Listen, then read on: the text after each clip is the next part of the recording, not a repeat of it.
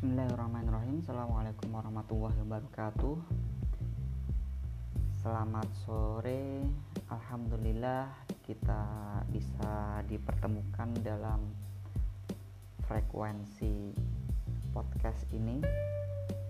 Kali ini saya akan menjelaskan tentang sejarah etika, objek etika, fungsi etika, macam etika dan pendidikan etika ditinjau dari kajian filosofisnya.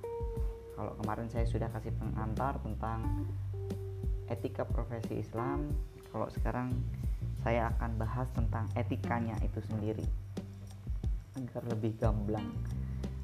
Adapun pertumbuhan perkembangan etika dalam masa ke masa itu dipaparkan ada beberapa periode. Yang pertama adalah periode Yunani, kemudian ada periode uh, abad pertengahan yaitu etika pada abad pertengahan kemudian etika pada periode bangsa Arab kemudian ada etika periode abad modern. Nah, kemarin kita sudah sekilas memahami bahwasanya etika kan dia e, berupa kesepakatan yang harus dipatuhi ketika e, seseorang itu berhadapan dengan seseorang Yang pertama adalah etika periode Yunani itu secara historis etika sebagai usaha filsafat lahir dari keambrukan tatanan moral di lingkungan kebudayaan Yunani 2500 tahun yang lalu. Karena pandangan-pandangan lama tentang baik dan buruk tidak lagi dipercaya kemudian para filosofis mempertanyakan kembali norma-norma dasar bagi kelakuan manusia. Nah itu terkait dengan etika pada periode Yunani karena sudah manusia ini sebenarnya uh, diatur oleh siapa sih dan bagaimana aturannya. Penyelidikan para ahli filsafat tidak banyak memperhatikan masalah etika nah, karena memang Yunani ini terkenal dengan filsafatnya. Kebanyakan dari mereka melakukan penyidikan mengenai alam, misalnya bagaimana alam ini terjadi, apa yang menjadi unsur utama dan lainnya lah. Kemudian Yunani menjadi tempat pertama kali disusunnya cara-cara hidup yang baik ke dalam suatu sistem dan dilakukan penyelidikan tentang soal tersebut sebagai bagian dari filsafat. Makanya nanti eh, dalam bukunya Puspo Projo itu disebutkan ada istilah filsafat moral atau filsafat kesusilaan atau etika itu sendiri. Kemudian jejak-jejak pertama sebuah etika muncul di kalangan murid uh, murid Pitagoras di sini disebutkan. Kemudian uh, menurut mereka badan merupakan kubur jiwa atau soma sema atau tubuh kubur. Kemudian di sini 100 kemudian uh, Demokritos bukan hanya mengajarkan bahwa segala apa dapat dijelaskan dengan gerakan bagian-bagian terkecil yang tak terbagi lagi yaitu uh, atom-atom. Uh, Jadi kalau kita berbicara tentang filsafat itu paling kecil itu apa sih yang ada di dunia ini? mereka sampai ke situ. Namun Demokritos menilai nilai tertinggi adalah apa yang enak. Dengan demikian anjuran untuk hidup baik berkaitan dengan suatu kerangka pengertian uh, itu adalah sebuah hedonistik karena dia hanya enak-enakan saja. Kemudian Socrates dipandang sebagai perintis ilmu etika karena ia pertama berusaha dengan sungguh-sungguh membentuk hubungan manusia dengan ilmu pengetahuan. Sedangkan Plato tidak menulis tentang etika. Buku etika pertama kali ditulis oleh Aristoteles. Ini kalau pada zaman Yunani itu memang ya para filosof-filosof lah kemudian ada etika pada abad pertengahan itu etika bisa dikatakan uh, dianiaya oleh gereja pada saat itu gereja memerangi filsafat Yunani dan Romawi dan menentang penyiaran ilmu dan kebudayaan kuno ahli-ahli filsafat etika yang lahir pada masa itu adalah panduan dari ajaran Yunani dan ajaran Nasrani di antara mereka yang masuk adalah Abelard, seorang ahli filsafat Prancis. Kemudian ada etika pada periode bangsa Arab. Nah, bangsa Arab yang pada zaman jahiliyah tidak mempunyai ahli-ahli filsafat yang mengajak kepada aliran atau paham tertentu sebagaimana Yunani seperti Epicurus, Zeno, Plato, Aristoteles itu. Hal ini terjadi karena penyidikan ilmu tidak terjadi kecuali di negara yang sudah maju. Waktu itu bangsa Arab hanya memiliki ahli-ahli hikmah dan sebagai ahli syair yang memerintahkan kepada kebaikan dan mencegah kemungkaran, mendorong menuju keutamaan, dan menjauhkan diri dari kerendahan yang terkenal pada zaman mereka. Namun sejak kedatangan Islam, agama yang mengajak kepada orang-orang untuk percaya kepada Allah, sumber segala sesuatu di, di seluruh alam ini, Allah Subhanahu wa taala. Kemudian memberikan jalan kepada manusia, jalan yang harus diseberangi, siratal mustaqim itu karena telah datang Islam. Sebelumnya ya hanya dikenal sebagai ahli syair, kemudian ahli-ahli hikmat, cuman landasannya masih belum jelas. Kemudian menjadikan kebahagiaan di dunia dan kenikmatan di akhirat sebagai pahala bagi orang yang mengikutinya, yaitu mengikuti ajaran Islam itu. Jadi pada masa itu bangsa Arab itu telah puas mengambil etika dari agama dan tidak merasa butuh untuk menyelidiki mengenai dasar baik dan buruknya. Sehingga maka e, filsafat di Arab itu cenderung kurang berkembang sehingga ilmuwan-ilmuwan ya belajarnya memang terkenalnya di Yunani. Kemudian penyidik bangsa Arab yang terbesar mengenai etika adalah Ibnu Mashkawah yang wafat pada 421 Hijriah. Dia mencampurkan ajaran Plato, Aristoteles, Galius dengan ajaran Islam. Nah, ajaran Aristoteles banyak termasuk dalam penyelidikan tentang jiwa. Yang keempat adalah etika periode abad modern. Pada akhir abad 15, Eropa mulai bangkit, ahli pengetahuan mulai menyuburkan filsafat kuno. Begitu juga dengan Italia. Ini untuk ilmu pengetahuan ia menetapkan dasar-dasar sebagai berikut. Jadi dalam filsafat Prancis Descartes itu filosof Prancis, pendiri filsafat baru, dia menetapkan dasar-dasar. Di antaranya tidak menerima sesuatu yang belum diperiksa akal dan nyata adanya dan apa yang tumbuhnya dari adat kebiasaan saja wajib ditolak. Jadi harus rasional menurut ini. Di dalam penyelidikan harus kita mulai dari yang terkecil lalu meningkat ke hal-hal yang besar. Jadi sistematis sekali Jangan menetapkan sesuatu hukum akan kebenaran suatu hal sehingga menyatakan dengan ujian. Jadi teruji juga. Yang pertama itu harus rasional, kedua itu harus diselidiki dari yang terkecil, yang ketiga adalah diuji. Yang selanjutnya saya akan menjelaskan tentang objek etika. Etika memiliki dua objek, objek material yaitu tingkah laku atau perbuatan manusia dan objek formal yaitu berupa kebaikan dan keburukan. Jadi kalau berbicara etika itu yang baik itu mana, yang buruk itu mana. Jadi nanti bisa orang mengatakan tidak beretika kan. Nah, itu berarti menilai keburukan ya. Nah, itu objek formal. Kalau materialnya ya manusia. Tingkah laku atau perbuatan manusia. Kalau hewan kan ya suka-suka dia karena dia tidak berakal dan tidak berhati. Itulah perbedaannya kemudian eh, objek penyelidikan etika adalah pernyataan-pernyataan moral yang merupakan perwujudan dari pandangan-pandangan dan persoalan-persoalan dalam bidang moral. Nah, ini ada dua macam pernyataan. Pertama, pernyataan tindakan manusia. Kedua, pernyataan tentang manusia itu sendiri. Nah, pernyataan tentang tindakan manusianya yang kedua tentang manusia zat manusianya itu kepribadian manusia itu sendiri ya bisa motif maksud dan wataknya. Jadi beda ya kalau yang pertama itu kan bentuk luarannya bagaimana. Kalau yang kedua ini bentuk dalamannya kayak gimana.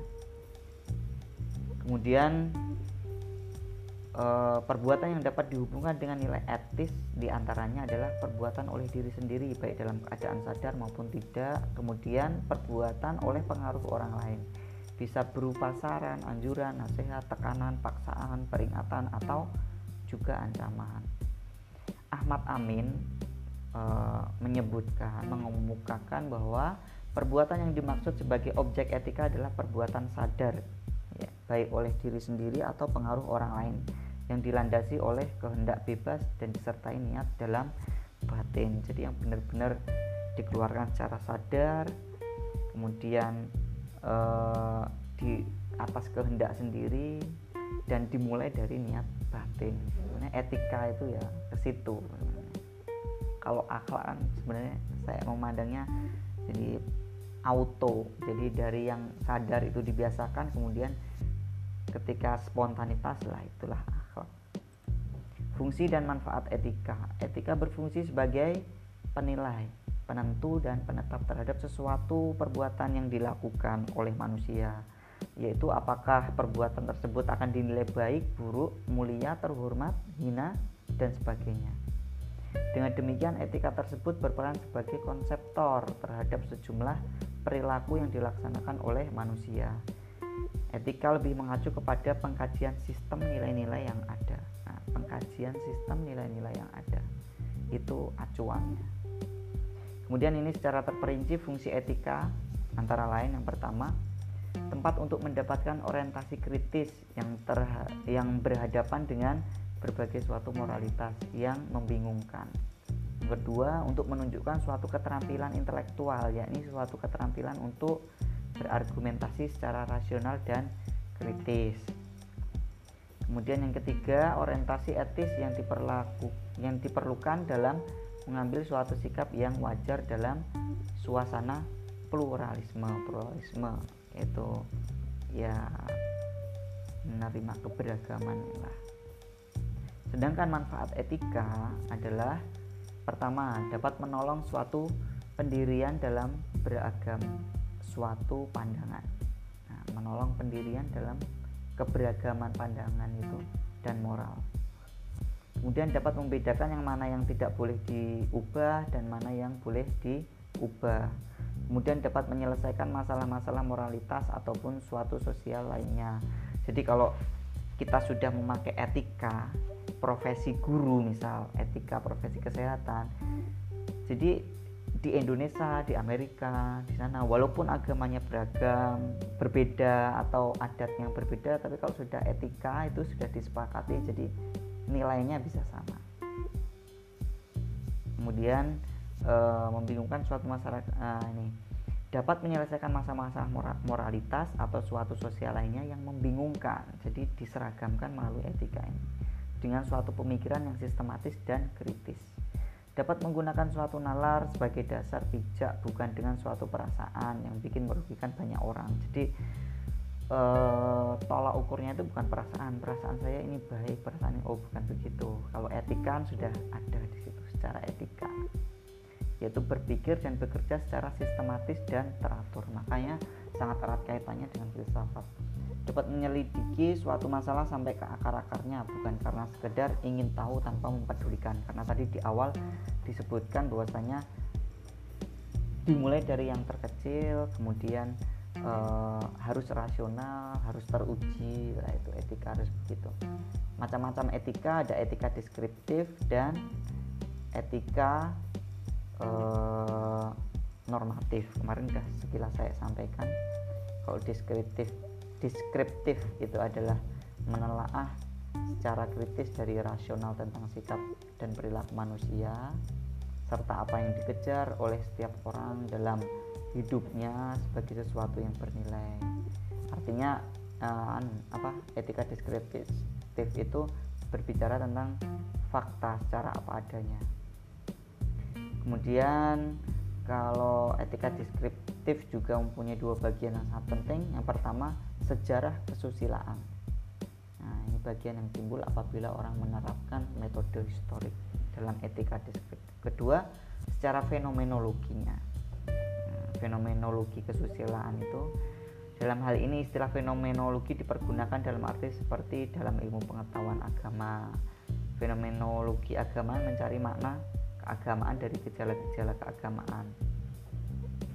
Kemudian etika normatif itu terkait etika yang menetapkan berbagai sikap dan perilaku yang ideal dan seharusnya dimiliki oleh manusia atau apa yang seharusnya dijalankan. Jadi etika normatif itu merupakan norma-norma yang dapat menuntun agar manusia bertindak secara baik. Oke. Selanjutnya kita kepada uh, pendidikan etika ditinjau dari filosofisnya. Jadi kalau sudah diketahui etikanya itu apa, perlu dipendidikkan apa tidak? Artinya diformalitaskan supaya ya orang-orang itu ngerti. Kayak kita ini belajar terkait dengan etika profesi Islam itu kan berarti etika yang eh, dikemas dalam pendidikan. Nah secara kehidupan manusia belum pernah menunjukkan bukti akan adanya manusia yang bentuk fisiknya bercitra sama walaupun lahir secara kembar. Jadi pasti ada bedanya seperti ini secara fisik aja kan berbeda. Misal kita melihat uh, apa sidik jari itu kan sudah berbeda. Selalu bisa dikenali suatu ciri khas bagaimana penanda seorang berbeda dari yang lainnya. Kepentingan dan tujuan ideal hidup manusia bisa sama namun detail dan nilai keduanya akan berbeda. Nah, manusia adalah makhluk yang paling unik yang selalu ingin menunjukkan keunikan dari personilnya. Nah ini yang sebenarnya secara filosofisnya kenapa etika itu harus dipendidikkan dalam pengertian seperti itu, keunikan merupakan akar keberadaan dan kebutuhan manusia untuk berkomunikasi sekaligus sebagai cara manusia menunjukkan kehadiran diri personilnya. Oleh karena itu, kebijakan dan strategi pendidikan haruslah unik yang berakar dari keunikan pribadi manusia tersebut. Nah, ini setelah mengetahui pendidikan dan etika, tentu kita sudah bisa mengambil benang merah tentang apa itu pendidikan etika. Pendidikan etika itu berarti upaya mendatangkan perubahan individu secara integral, mencakup sifat psikofisiknya melalui pengajaran dan latihan. Karenanya penting menyadari kembali makna pendidikan sebagai suatu sistem pemanusiawian manusia yang unik, mandiri dan kreatif. Jadi fungsi dari kita mempelajari uh, etika profesi Islam itu ya ketika kita memiliki profesi apa ya tidak melenceng dari etika Islam itu sendiri yang larinya kepada akhlakul mahmudah kita. Kemudian uh, Abin Samsudin Makmun dalam bukunya menjelaskan bahwa praktek pendidikan itu pada hakikatnya merupakan usaha conditioning atau penciptaan seperangkat stimulus stimulus yang diharapkan pula menghasilkan pola-pola perilaku. Kemudian uh, prestasi belajar atau achievement dalam tentang pengetahuan penalaran, sikap penghayatan dan keterampilan pengalaman merupakan indikator atau manifestasi dari perubahan dan perkembangan perilaku tersebut. Nah, dengan demikian kan bisa kita simpulkan pendidikan etika di sini merupakan proses pendorong dan pemberian peluang bagi tumbuhnya konsep diri dalam diri setiap peserta didik karena manusia itu telah diciptakan Tuhan berbeda dengan makhluk lainnya. Ia mempunyai etika tersendiri yaitu etika sebagai makhluk yang paling mulia. Jika melihat wujud jasmaniahnya, maka dapat dikatakan manusia itu ya e, sama gitu. Akan tetapi tidak demikian dengan etikanya. Artinya ya manusia itu ya ya inilah manusia, inilah hewan maksud saya begitu. Cuman etikanya kan bisa berbeda-beda karena sifat pribadinya pun juga berbeda.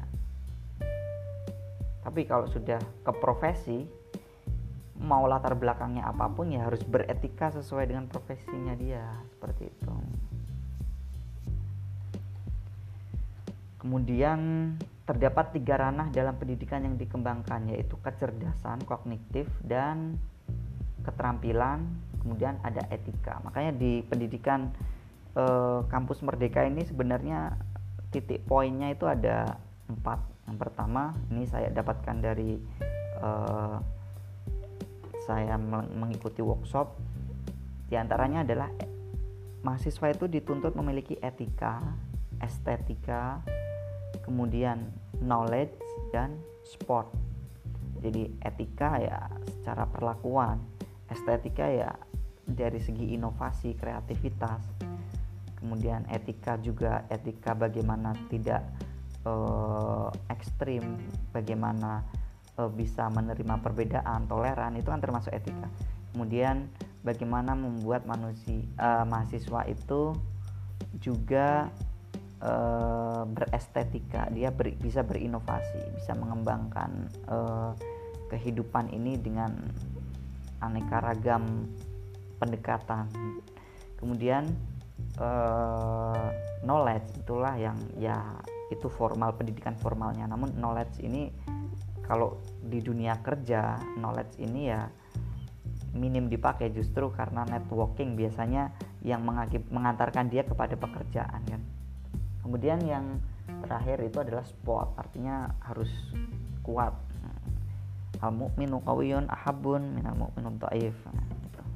mungkin uh, itu sekilas atau penjelasan saya pada kesempatan ini. Semoga teman-teman bisa memahami bagaimana sejarah, objek etika, fungsi etika, macam etika dan pendidikan etika ditinjau dari kajian filosofisnya. Wallahu alam bisawab. Kurang lebihnya saya mohon maaf. Assalamualaikum warahmatullahi wabarakatuh.